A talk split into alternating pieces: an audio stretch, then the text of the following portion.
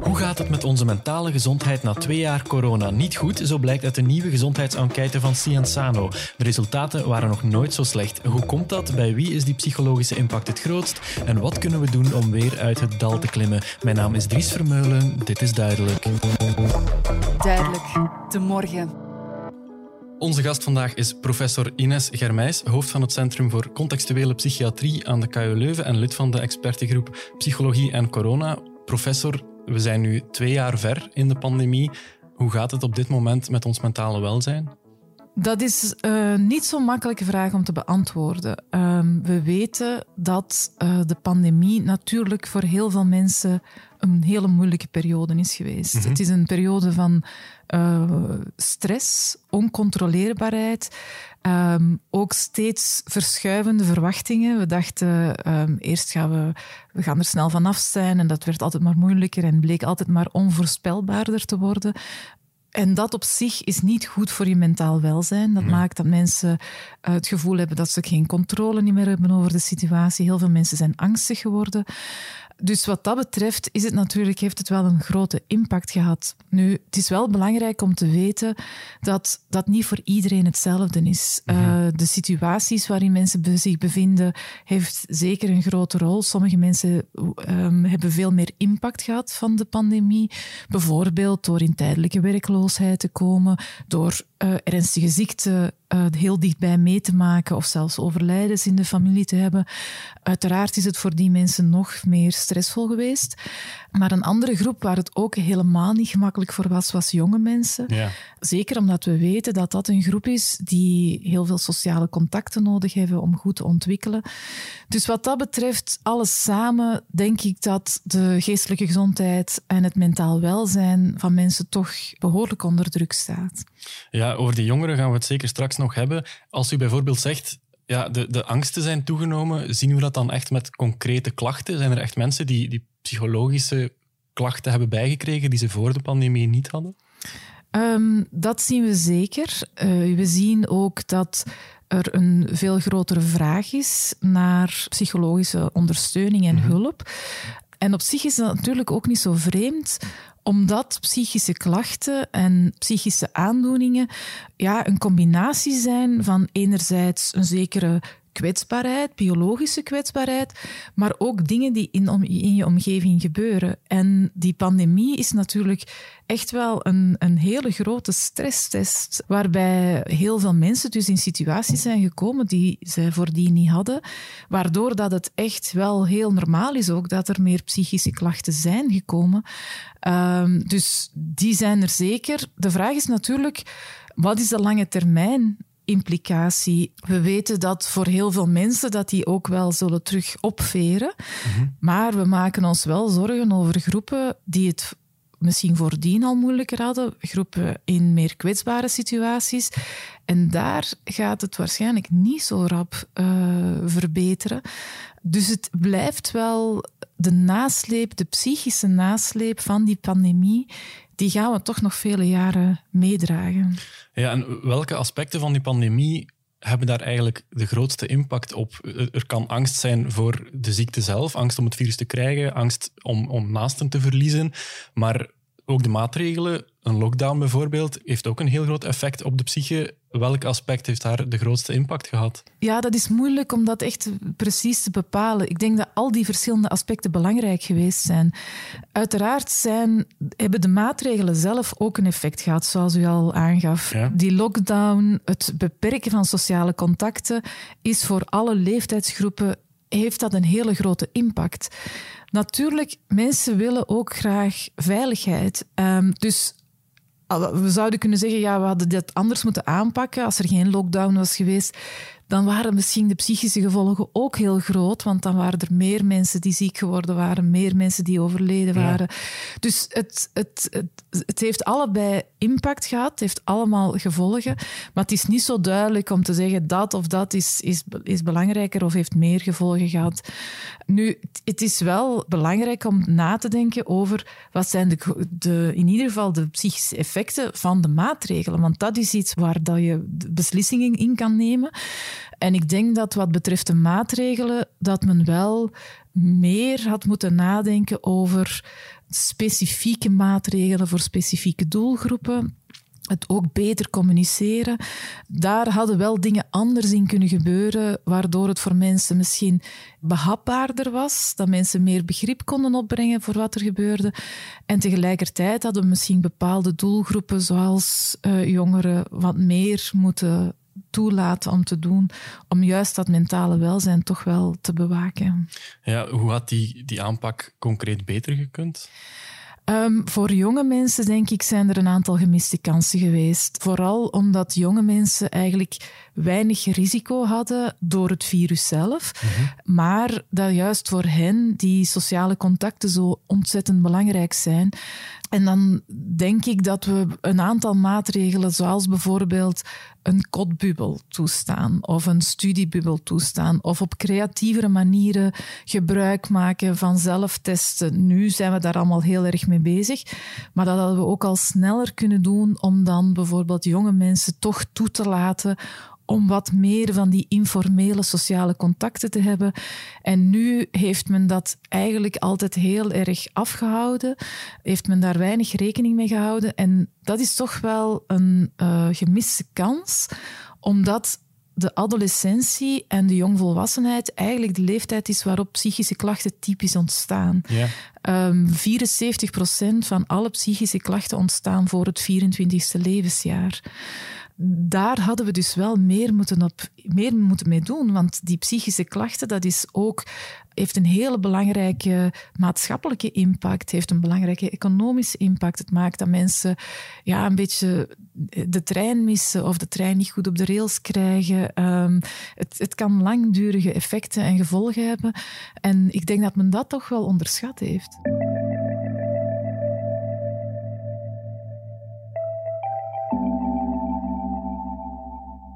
Dat we met z'n allen, maar zeker de jongeren, mentale klappen krijgen door de pandemie, dat blijkt nog maar eens uit de COVID-gezondheidsenquête van Cienzano. Die werd voor de negende keer gehouden in december, in de nasleep van de vierde golf dus. En de resultaten waren nog nooit zo slecht, zegt Stefan de Marest van Cienzano. Wanneer we kijken naar de laatste, de negende COVID-enquête, dan zijn de cijfers wel bar slecht in vergelijking met uh, oktober uh, 2021 en zeker in vergelijking met 2018. Dus het blijkt dat de vierde golf toch wel eh, een serieus wat negatieve consequenties heeft gehad voor de mentale gezondheid van mensen. Die mentale gezondheid meet Cienzano op basis van levenstevredenheid, de aanwezigheid van angststoornissen of depressie. En voor het eerst werd in deze negende enquête ook gepeild naar de mate waarin mensen genoeg hebben van die hele coronasituatie. En ja, het verbaast u niet, we zijn het duidelijk beu. Het is duidelijk dat, dat uh, een groeiend aantal mensen of een substantieel aantal mensen het, er genoeg van heeft. En dat blijkt vooral bij jongeren het geval te zijn. Dus voor alle uh, vragen die we stellen rond de pandemievermoeidheid zijn de cijfers sowieso slechter bij de jongeren dan bij de ouderen. Niet alleen wat pandemievermoeidheid betreft, eigenlijk is de impact van deze crisis op de mentale gezondheid over de hele lijn het meest verontrustend bij jongeren. Dus de jonge volwassenen, 18 tot 25 jaar, die scoren toch het slechtst in verband met angststoornissen en depressieve stoornissen. Dit is een, een, een constante dat de jongeren voor alle domeinen die we bestuderen in het kader van de COVID-enquêtes, dat zij altijd iets wat slechter scoren. Als mogelijke verklaring waarom we net nu in december de allerslechtste cijfers optekenden qua mentaal welzijn, wijst Stefan de Marest naar een algemene teleurstelling. We hadden eigenlijk gehoopt dat het voorbij zou zijn. Mensen hebben al een hele tijd zich min of meer uh, gehouden aan de maatregelen, hebben ook massaal ingegaan op de vaccinatie, want de cijfers voor België zijn spectaculair goed. Maar dit hadden ze niet verwacht. Ik denk dat de indruk bestaat dat we hebben heel wat uh, ervoor over om uh, die pandemie in te dijken en we zijn tot heel wat in staat. Maar het feit dat de vierde golf eraan komt, ook het feit dat de booster dan verplicht wordt, dat is een klein beetje tegen de verwachtingen van mensen in.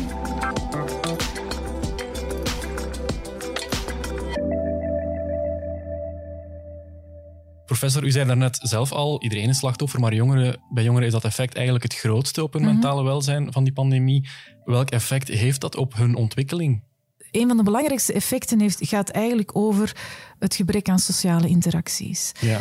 We weten dat jongeren die, die ontwikkelen zich eigenlijk nog tot de leeftijd van 25. Hè. Het brein ontwikkelt zich nog, de rollen veranderen. Hè. Tussen, tussen 15 en 25 ja, ga je weg uit huis, begin je je eigen uh, vriendenkring op te bouwen, relaties op te bouwen. Je begint te bepalen van wie ben ik eigenlijk, waar ga ik naartoe, wat wil ik doen met mijn leven. En om dat te doen heb je andere mensen nodig en heb je mhm. interacties met anderen nodig. En dus we zien dat natuurlijk vanaf de geboorte ontwikkelen die sociale vaardigheden zich, maar zeker in de leeftijd van 15 tot 25 ontwikkelen die zich nog heel erg verder. Hè? Want dan moet je hele nieuwe ontwikkelingsstappen zetten. En ehm, door die afstandsmaatregelen, de social distancing, uh, lockdown, heeft men, hebben we dat proces eigenlijk stopgezet. En hebben we eigenlijk gezegd van ja, op dit moment kan dat niet meer, kunnen die informele contacten niet meer. En dat is dus op korte termijn is dat misschien niet zo heel erg, maar ondertussen is dat al langer en langer en langer aan het doorlopen. En dan zie je dat jongeren dus inderdaad, dat, dat je eigenlijk hen die kans ontneemt om die sociale vaardigheden te ontwikkelen. Maar we zien dat bijvoorbeeld ook op schoolniveau, hè, dat, dat, dat ze motivatie verliezen, omdat ze mhm. een belangrijk aspect van school, van ook hoger onderwijs, is ook met anderen samen zijn, elkaar stimuleren, zo ont onderzoeken en, en, en zoeken van wat wil ik eigenlijk met mijn leven, waar ben ik goed in, wat kan ik goed. En dus dat aspect is eigenlijk heel, heel abrupt onderbroken. Op dat moment voor goede redenen. Maar ik denk dat we in die twee jaar, waarbij we veel meer hebben geleerd over het virus en over al die dingen, dat we wel ja, kansen hebben laten liggen om toch die ruimte te geven aan jonge mensen om die stappen te zetten, die ontwikkelingsstappen te zetten, maar ook in het onderwijs. Hè. Je mag niet vergeten, we zitten nu in het derde schooljaar van de pandemie. Dus we zijn, er zijn op dit moment jongeren in het hoger onderwijs die nog geen enkel normaal leerjaar hebben mhm. meegemaakt. Dat is toch niet te onderschatten. Of studenten ook van wie bijna de volledige periode als student volledig is getekend door die pandemie. Zeker, en zeker. Zij, hebben eigenlijk een heel groot, of een heel belangrijk deel, het vormende deel, het sociale deel ervan volledig gemist. Ja.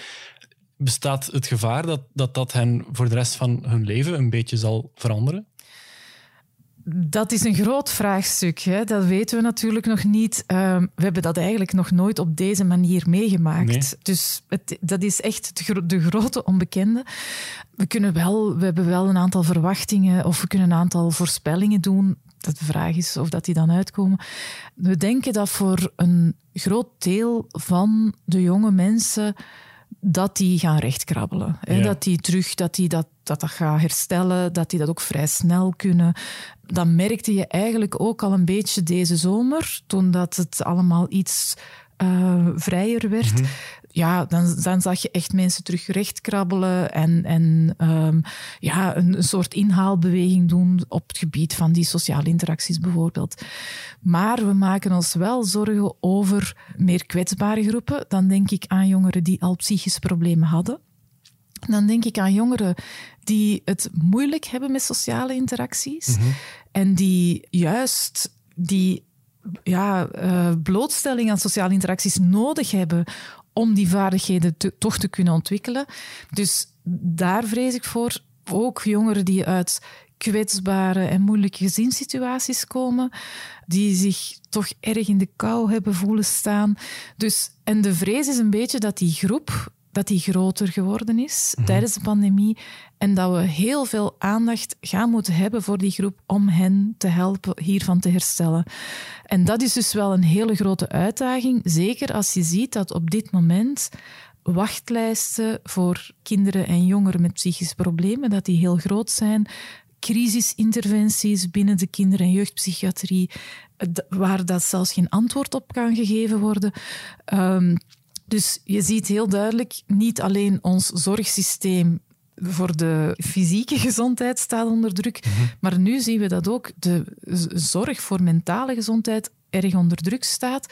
Dat is natuurlijk niet iets nieuws en dat is ook niet voor de mentale gezondheid niet iets dat, je, dat door corona uh, of door de pandemie, um, dat is daar niet de oorzaak van. Het is meer zo dat heel deze situatie structurele problemen die er al waren, nog meer naar boven heeft gebracht. En ik hoop, en dat is een beetje mijn verwachting en, of ja, mijn, mijn hoop voor de volgende jaren, dat we nu eindelijk beseffen van ja, daar moeten we iets in. Daar moet veel meer geld in geïnvesteerd worden, zowel in de zorg, ook in het onderzoek daarnaar, maatschappelijk, binnen scholen, binnen leerplannen. Daar, dit is een thema dat we veel te lang verwaarloosd hebben en waar dat we hopelijk nu toch het besef hebben dat we daar iets mee moeten doen.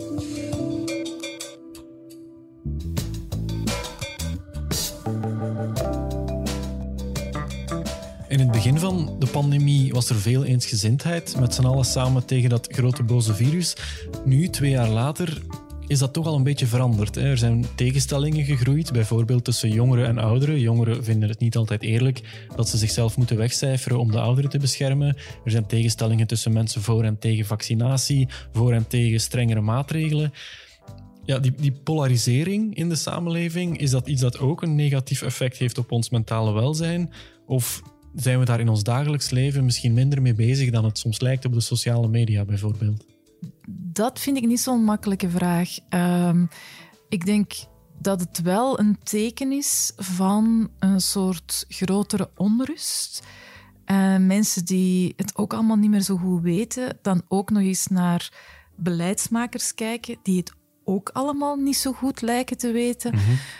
Daarbij ook een, ja, een soort groeiend wantrouwen in experten en wetenschappers. Dat is natuurlijk wel iets dat niet zorgt voor rust en dat niet zorgt voor een klimaat waarin mensen het gevoel hebben van het is hier oké, het is veilig, het is onder controle. Ja. Dus ik denk niet dat het, dat het helpt. En wat dat betreft, denk ik, is dit ook wel een signaal dat we eigenlijk ook meer gedragswetenschappers en menswetenschappers nodig hebben om uh, juist na te denken over hoe communiceren we op een goede manier? Hoe betrek je mensen bij deze situatie? Want laten we wel wezen, niemand zat hierop te wachten. Ook de beleidsmakers zaten hier niet op te wachten. het is iets dat ons allemaal overkomt. En iedereen probeert naar zijn best vermogen daarop te reageren.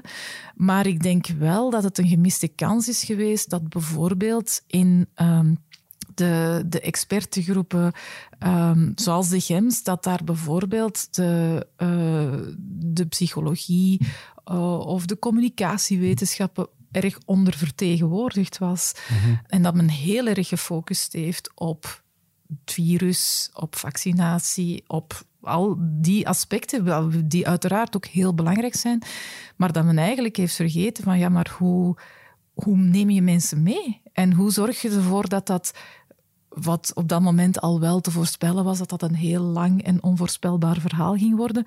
Hoe maak je dat toch, hoe, hoe communiceer je daarover zodanig dat het toch op een bepaalde manier behapbaar blijft?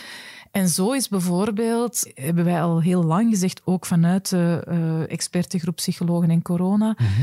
Is die bijvoorbeeld die, die barometer al heel lang voorgesteld, waardoor dat mensen heel duidelijk zouden mee kunnen kijken, oké, als er zoveel mensen in het ziekenhuis zijn, dan zijn dat en dat en dat de dingen die gaan gebeuren. En als dat terugzakt, dan kan dat...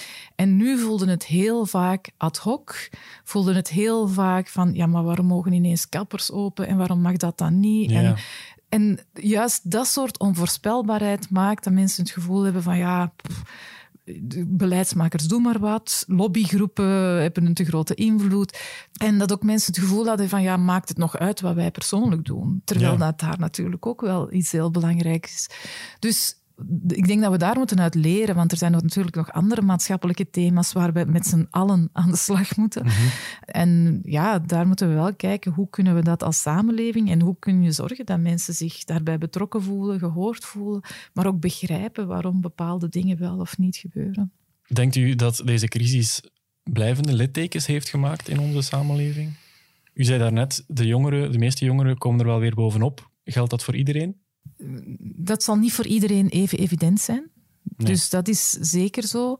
Waar ik mij een beetje zorgen om maak, is dat heel veel jongeren zich ook wel echt niet gehoord hebben gevoeld. Ja.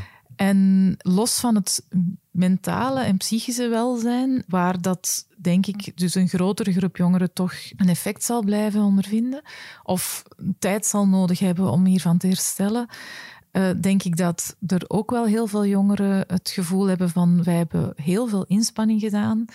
Dat is weinig gewaardeerd, uh, dat is niet gezien en onze noden zijn, zijn weinig of niet gehoord. En dat is misschien iets waar, waar ik me zeker ook zorgen over maak. Van, mm -hmm. ja, hoe zorgen we ervoor dat ook die jonge mensen uh, zich betrokken blijven voelen bij de samenleving. En um, het gevoel hebben van ja, dit is een samenleving waar ik bij hoor, waar ik in wil investeren, waar ik uh, mij verbonden bij voel. Um, dus dat is wel een ander aspect dat, uh, ja, waar ik heel benieuwd naar ben, hoe dat, dat de volgende tijd gaat ontwikkelen. U voorspelde afgelopen zomer in een interview in onze krant dat onze samenleving na corona, na de pandemie, socialer zou zijn geworden. Omdat we door corona hebben gezien hoe belangrijk die sociale contacten eigenlijk voor ons zijn. Bent u daar nu nog altijd even optimistisch over? Um, ik hoop het. Ja. Ja, wat, wat natuurlijk gebeurde, en, en, dat is eigenlijk wel het afgelopen half jaar heel erg gebeurd, is dat er meer verdeling in de samenleving gekomen ja. is. Hè? En dat het, dat is natuurlijk toch wel iets uh, zorgwekkend eigenlijk. Ik hoop dat we, dat we toch gaan ontwikkelen naar een meer sociale samenleving. Laten we maar optimistisch blijven. Ja, ja toch een beetje. Ja. Is er iets dat we zelf kunnen doen om ervoor te zorgen dat we er mentaal bovenop blijven of dat we het, het mentaal blijven aankunnen? Er zijn zeker dingen die mensen zelf kunnen doen. Um, in de eerste plaats mildheid voor jezelf. Ja. Het is oké okay om je niet oké okay te voelen. Het is een moeilijke tijd. Het is voor heel veel mensen een moeilijke tijd. En um, wij, wij, wij, hoeven geen supermensen te zijn, dus het is gewoon oké okay om het nu moeilijk te hebben. Dat is al een belangrijk iets. Verder denk ik, ja, zijn de, de, de standaard dingen uh, zorgen voor uh, voldoende nachtrust, voor beweging, uh, proberen sociale contacten toch te onderhouden waar het kan. -hmm.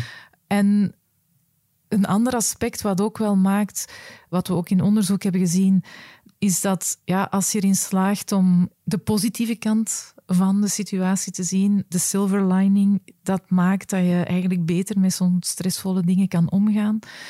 Maar ik vind dat wel moeilijk om te zeggen. Dat was iets wat we uh, vooral in die eerste lockdown zagen. In die eerste periode dat mensen zo dachten, oh, ik kan even... Het is ook wel fijn om eens even tot rust te komen en eens even uit die rat race te stappen en eens te heroriënteren. Van...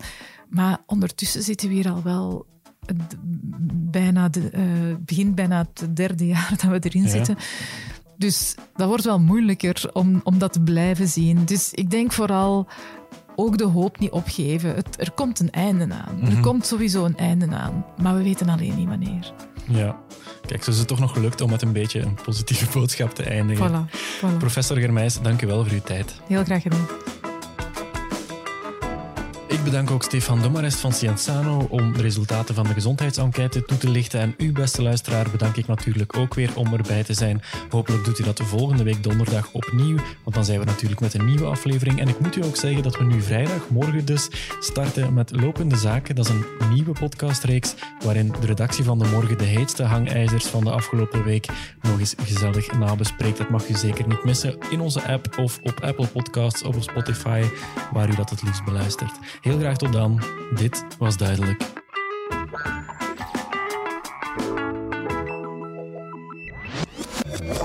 Duidelijk. De morgen.